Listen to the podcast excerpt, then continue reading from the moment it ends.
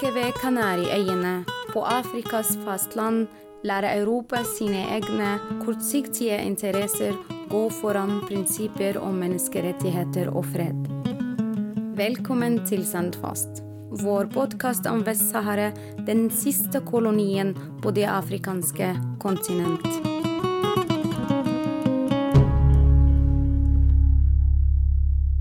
Hvert femte år må alle stater i verden møte opp i salen til FNs menneskerettighetsråd i Sveits og forklare hva de gjør for å følge opp menneskerettighetene på hjemmebane. Og så kan alle de andre landene i verden stille spørsmål og kritisere hverandre. Denne spesielle mekanismen heter UPR, eller Universal Periodic Review. Gjennomgangen er universal ved at alle landene må gjøre det og den er periodisk ved at de må gjøre det hvert femte år. I begynnelsen av november er det Marokkos tur til å bli vurdert.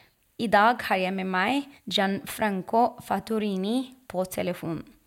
Hello, Gianfranco. Thank you so much for having the time to join me today. I am very happy to have you here. So, first, my standard question for every guest why Western Sahara? Well, uh, since uh, the, the, middle of the 90s, uh, when I joined and uh, I started to be the representative for French organizations called the Movement Against Racism and for Friendship Among Peoples, who was set up uh, at the end of the Second World War for for this uh, organization, the issue of uh, decolonization is uh, is been and it is uh, still today at the top of the agenda. So the, the issue of uh, Western Sahara and the Palestinian occupied territories is still one of the main issues. And when I switched to the American Association of Jurists in, in 2015, uh, again I, I brought the, the issue in the UN uh, the the uh, Universal Periodic Review is a new mechanism that uh, was created uh, at the same time the creation of the Human Rights Council of the UN, uh, which replaced the, the ancient Commission on Human Rights. At the beginning, the mechanism was proposed by a professor of law uh, as a mechanism of independent experts. Uh, to analyze the uh, situation of human rights everywhere in the world, uh, considering that not all states has adhered to all human rights treaties. But then, in the negotiation at the creation of the council, the member states decided that the mechanism should, should be inter pares mechanism, which means that uh, every state is uh, analyzed by other states and not independent experts. It is uh, still uh, an occasion for uh, everybody every five years uh, to look at the situation in every country. And for instance, next month it will be the turn of Morocco. And of course, it is an important occasion uh, since uh, the King of Morocco is delaying the presentation, the submission of uh, their reports to different committees. For instance, the, the Committee on Economic, Social, and Cultural Rights, the Human Rights Committee, who works for civil and political rights implementation of, of the International Covenant, and uh, uh, other committees. How can civil society groups use this mechanism to advocate for their causes? Well, the, the, the role of the civil society is very important because uh, they, they can submit any information mm. to everybody. The difference is that uh, when a state is analyzed by a committee, uh, the contribution of the NGOs goes just to the experts of mm-hmm. a particular committee while uh, for, for the UPR process, the contribution of the NGOs are public. And uh, so when we denounce international humanitarian law or human rights law uh, abuses, this will be known by everybody. Let's go more to Western Sahara. Several organizations have submitted a report. Uh, for example, the Norwegian Support Committee for Western Sahara has submitted a report to the UN in relation to arbitrary detention of Sahrawis in the occupied territories. What sort of other concerns have been raised by solidarity associations and Sahrawis with the upcoming process? Right. Let's say in September 2017, we set up a, a group here in Geneva called Geneva Support Group uh, for the Protection and Promotion of Human Rights in Western Sahara. At the beginning, we were uh, less than 10, and now we are more than 300 members of uh, uh, the platform. And uh, we, with this uh, group, we managed to coordinate the submission of 13 reports. Most of them in cooperation between uh, Sahrawi NGOs and international NGOs. And this is also part of uh, uh, our program of uh, education. So, uh, yes, in fact, uh, this is the first time that we have managed to submit a, large number of reports focusing on different specific subjects like, uh, of course, uh, self determination, the sovereignty over natural resources, in general, economic, social, and cultural rights. Uh, in particular, also land confiscation, which is now a, a, an issue that is very worrying for, for Sahrawi people. And then also, of course, enforced disappearance, uh, freedom of opinion and expression, freedom of association and peaceful uh, uh assembly. Uh, also, the issue of uh, the consequences of the mines in the Sahrawi desert, and so the issue of handicapped people, the issue of the harassment against human rights defenders.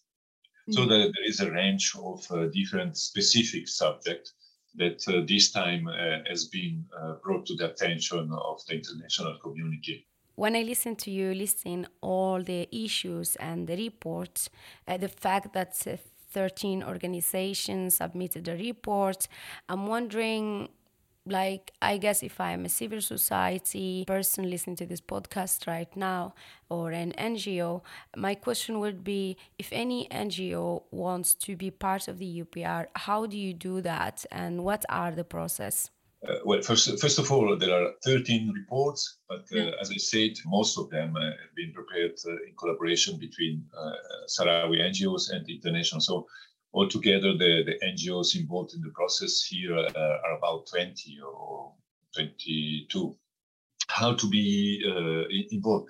Uh, for UPR, the deadline for NGOs is more or less six months before the submission of the reports is uh, uh, six months before uh, the examination of the country. For instance, the review of the Kingdom of Morocco will take place on 8th November, and the deadline for the submission of the reports was 31st of March.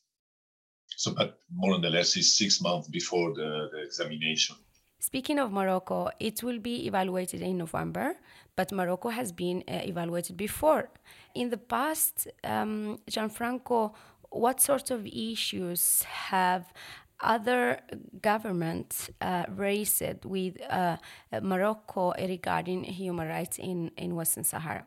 Well, uh, five years ago, uh, the, there were few governments that uh, raised the uh, particular issue. Well, most of the time, the examination uh, is three-hour time, and uh, well, the you have a space for the examined country who present their own report, and then you have a, a dialogue with the other delegations. And at that time, there were few uh, governments who raised uh, particular issues related to the situation in Western Sahara, mainly about uh, the fundamental issue of uh, self determination, of course, but then also um, in relations to freedom of expression and freedom of, of association. Now, uh, what was a bit disturbing at that time was that uh, the interventions were made in a sense that it looked like uh, everybody supposed that uh, Western Sahara was administered by the King of Morocco and not occupied.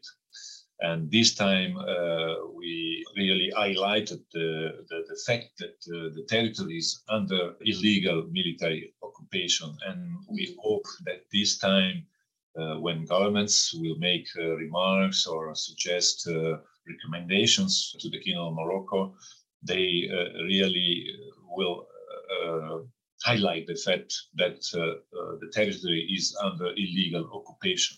What kind of result do you hope for uh, when Morocco is up for examination? Uh, well, um, as I said before, this is a, a particular uh, mechanism among states.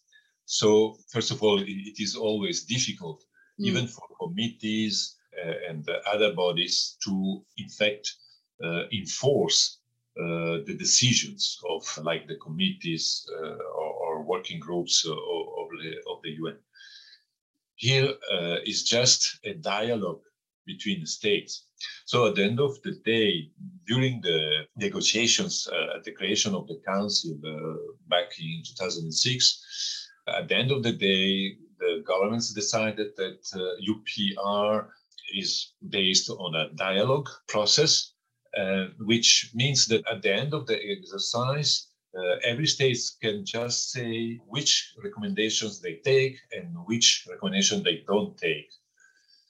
For mm. instance, uh, like Israel refuses uh, systematically 90% of the recommendations because they are related to the occupied territory of Palestine. And just saying that uh, those recommendations are politically motivated. And now the Kingdom of Morocco is uh, uh, taking example from uh, Israel. So we, we hope, on one hand, that there will be a larger number of recommendations and comments about the occupied territory of Western Sahara. But at the same time, on the other hand, we know that uh, Morocco will just say that uh, those recommendations are politically motivated. So the, the issue is for NGOs to continue to lobby governments uh, to press the Kingdom of Morocco to engage, uh, as they say in the Security Council, without precondition and in good faith for the process of decolonization uh, of Western Sahara. So my last question is actually regarding uh, in relation to uh, is related to the UPR as a mechanism. It is only three hours uh, to evaluate the country and for each country to give their remarks. Uh, from your perspective, are there any flaws or problematic aspects with the UPR? Well, the most problematic uh, issue is related to the to the conclusion of, of, the process. I mean, uh, governments can also send uh, uh written questions to to the examined country, and uh, I mean, of course, when there are many many countries want to to speak during the the examination, then maybe they will have just uh, one minute and a half time to speak, and they have to to concentrate in three four paragraphs uh, the subjects they, they want to raise. But the main problem in, relations to the UPR is, uh, is uh, the outcome.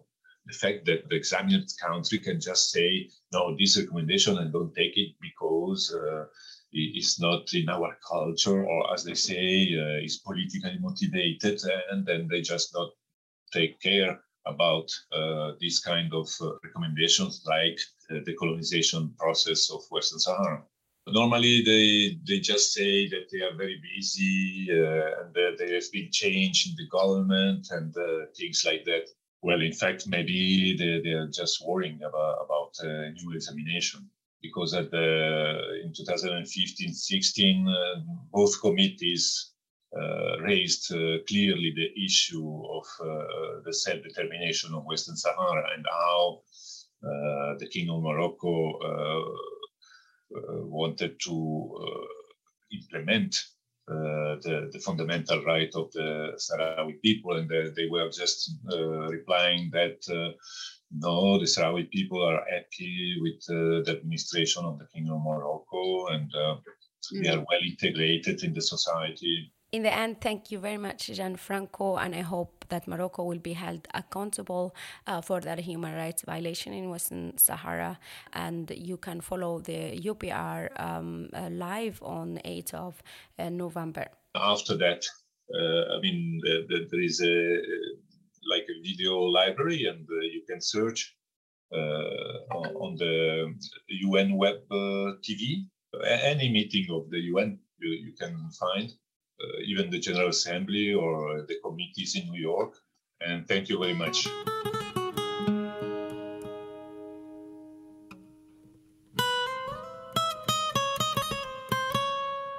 Hvis du vil lære mer om Vest-Sahara, gå inn på vest-sahara.no.